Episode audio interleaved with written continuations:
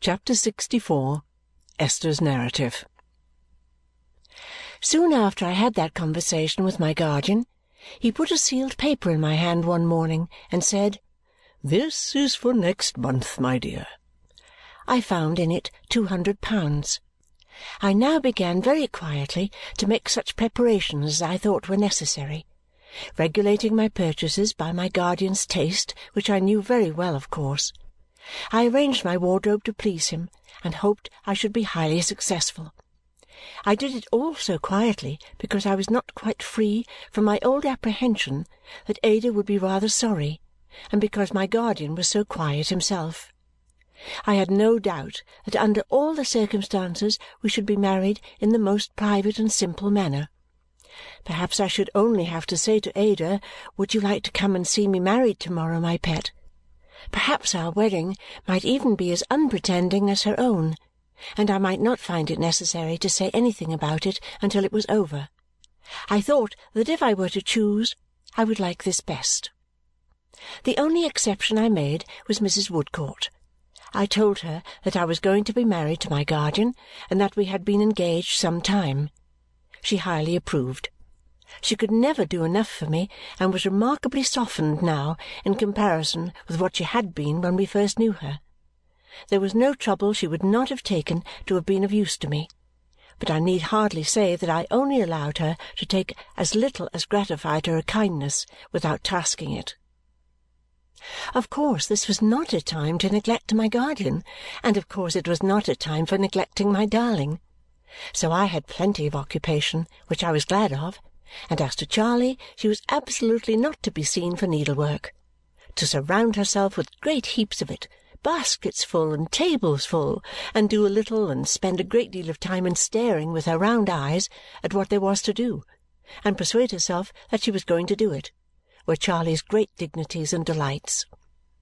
Meanwhile, I must say I could not agree with my guardian on the subject of the will, and I had some sanguine hopes of Jarndyce and Jarndyce. Which of us was right will soon appear, but I certainly did encourage expectations. In Richard the discovery gave occasion for a burst of business and agitation that buoyed him up for a little time, but he had lost the elasticity even of hope now and seemed to me to retain only its feverish anxieties.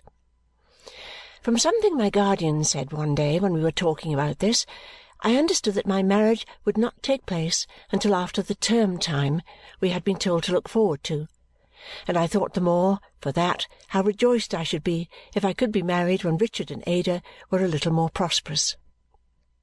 The term was very near indeed when my guardian was called out of town and went down into Yorkshire on Mr. Woodcourt's business. He had told me beforehand that his presence there would be necessary. I had just come in one night from my dear girl's and was sitting in the midst of all my new clothes, looking at them all round me and thinking, when a letter from my guardian was brought to me.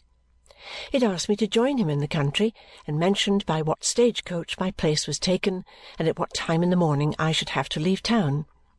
It added in a postscript that I would not be many hours from Ada. I expected few things less than a journey at that time, but I was ready for it in half an hour and set off as appointed early next morning. I travelled all day, wondering all day what I could be wanted for at such a distance. Now I thought it might be for this purpose, and now I thought it might be for that purpose. But I was never, never, never near the truth. It was night when I came to my journey's end and found my guardian waiting for me. This was a great relief, for towards evening I had begun to fear, the more so as his letter was a very short one, that he might be ill. However, there he was, as well as it was possible to be, and when I saw his genial face again at its brightest and best, I said to myself, he has been doing some other great kindness not that it required much penetration to say that, because I knew that his being there at all was an act of kindness. Supper was ready at the hotel, and when we were alone at table, he said, "Full of curiosity, no doubt, little woman, to know why I have brought you here." "Well, guardian," said I, "without thinking myself a Fatima or you a Bluebeard, I am a little curious about it." "Then, to ensure your night's rest, my love," he returned gaily. I won't wait until to-morrow to tell you. I have very much wished to express to Woodcourt, somehow, my sense of his humanity to poor unfortunate Jo, his inestimable services to my young cousins, and his value to us all. When it was decided he should settle here, it came into my head that I might ask his acceptance of some unpretending and suitable little place to lay his own head in. I therefore caused such a place to be looked out for, and such a place was found on very easy terms, and I have been touching it up for him and making it habitable. However, when I walked over it the day before yesterday, and it was reported ready, I found that I was not housekeeper enough to know whether things were all as they ought to be. So I sent off for the best little housekeeper that could possibly be got to come and give me her advice and opinion. And here she is," said my guardian, "laughing and crying both together." Because he was so dear, so good, so admirable, I tried to tell him what I thought of him but I could not articulate a word. "Oh, tut, tut!" Said my guardian. "You make too much of it, little woman. Why, how you sob, Dame Durden, how you sob!" "It is with exquisite pleasure, guardian, with a heart full of thanks." "Well, well!" said he. "I am delighted that you approve. I thought you would. I meant it as a pleasant surprise for the little mistress of Bleak House." I kissed him and dried my eyes. "I know now," said I, "I have seen this in your face a long while." "No! Have you really, my dear?" said he. "What a Dame Durden it is to read a face!"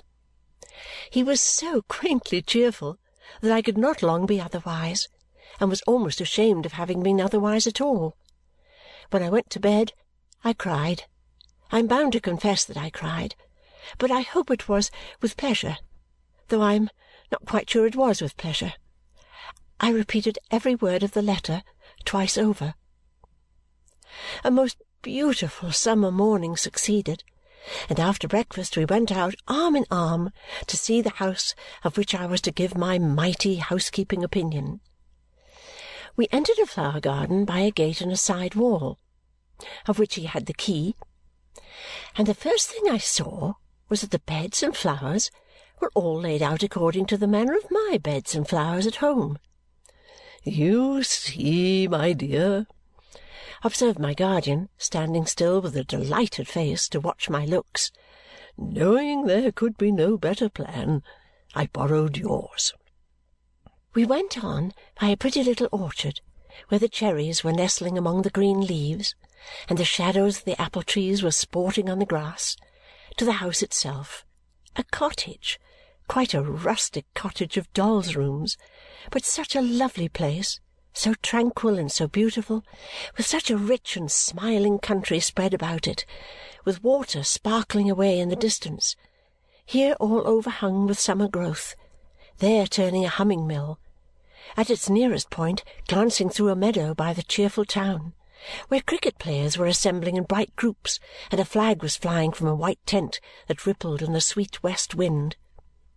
And still, as we went through the pretty rooms, out at the little rustic veranda doors and underneath the tiny wooden colonnades garlanded with woodbine, jasmine, and honeysuckle, I saw in the papering on the walls in the colours of the furniture, in the arrangement of all the pretty objects, my little tastes and fancies, my little methods and inventions which they used to laugh at while they praised them, my odd ways everywhere. I could not say enough in admiration of what was all so beautiful, but one secret doubt arose in my mind when I saw this. I thought, oh, would he be the happier for it? Would it not have been better for his peace that I should not have been so brought before him? Because although I was not what he thought me, still he loved me very dearly, and it might remind him mournfully of what he believed he had lost. I did not wish him to forget me. Perhaps he might not have done so without these aids to his memory, but my way was easier than his, and I could have reconciled myself even to that, so that he had been the happier for it. "And now, little woman," said my guardian, whom I had never seen so proud and joyful as in showing me these things and watching my appreciation of them, "now, last of all, for the name of this house. What is it called, dear guardian?" "My child," said he, "come and see." He took me to the porch, which he had hitherto avoided, and said, pausing before we went out, "My dear child, don't you guess the name?" "No," said I. We went out of the porch, and he showed me written over it, Bleak House. He led me to a seat among the leaves close by, and sitting down beside me and taking my hand in his, spoke to me thus. My darling girl, in what there has been between us, I have, I hope, been really solicitous for your happiness. When I wrote you the letter to which you brought the answer, smiling as he referred to it, I had my own too much in view, but I had yours too. Whether, under different circumstances, I might ever have renewed the old dream, I sometimes dreamed, when you were very young, of making you my wife one day. I need not ask myself. I did renew it, and I wrote my letter, and you brought your answer. You are following what I say, my child?" I was cold, and I trembled violently but not a word he uttered was lost. As I sat looking fixedly at him, and the sun's rays descended, softly shining through the leaves upon his bare head, I felt as if the brightness on him must be like the brightness of the angels. Hear me, my love, but do not speak. It is for me to speak now. When it was that I began to doubt whether what I had done would really make you happy is no matter. Woodcourt came home, and I soon had no doubt at all. I clasped him round the neck and hung my head upon his breast and wept. Lie lightly, confidently here, my child, said he, pressing me gently to him. I am your guardian and your father now. Rest confidently here." Soothingly, like the gentle rustling of the leaves, and genially, like the ripening weather, and radiantly and beneficently, like the sunshine, he went on. "Understand me, my dear girl. I had no doubt of your being contented and happy with me being so dutiful and so devoted, but I saw with whom you would be happier. That I penetrated his secret when Dame Durden was blind to it is no wonder, for I knew the good that could never change in her better far than she did. Well, I have long been in Allan Woodcourt's confidence, although he was not, until yesterday, a few hours before you came here, in mine. But I would not have my Esther's bright example lost. I would not have a jot of my dear girl's virtues unobserved and unhonoured. I would not have her admitted on sufferance into the line of Morgan ap Kerrig. No, not for the weight in gold of all the mountains in Wales. He stopped to kiss me on the forehead, and I sobbed and wept afresh, for I felt as if I could not bear the painful delight of his praise. Hush, little woman! Don't cry. This is to be a day of joy. I have looked forward to it, he said exultingly, for months on months. A few words more, Dame Trot, and I have said my say. determined not to throw away one atom of my Esther's worth, I took Mrs. Woodcourt into a separate confidence. "Now, madam," said I, "I clearly perceive, and indeed I know to boot, that your son loves my ward.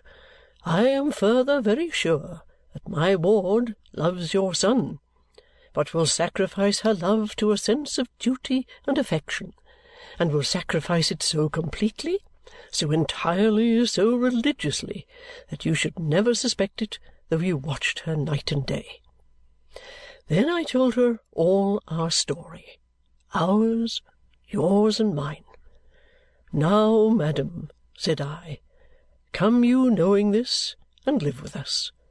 Come you, and see my child from hour to hour.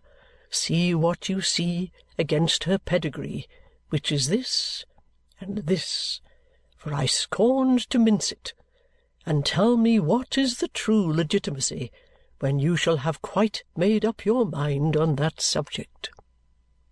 Why, honour to her old Welsh blood, my dear!" cried my guardian with enthusiasm. I believe the heart it animates beats no less warmly, no less admiringly, no less lovingly towards Dame Durden than my own. He tenderly raised my head, and as I clung to him, kissed me in his old fatherly way again and again. What a light now on the protecting manner I had thought about! One more last word. When Allan Woodcourt spoke to you, my dear, he spoke with my knowledge and consent, but I gave him no encouragement, not I, for these surprises were my great reward, and I was too miserly to part with a scrap of it. He was to come and tell me all that passed, and he did. I have no more to say. My dearest, Allan Woodcourt stood beside your father when he lay dead, stood beside your mother. This is Bleak House. This day I give this house its little mistress, and before God it is the brightest day in all my life.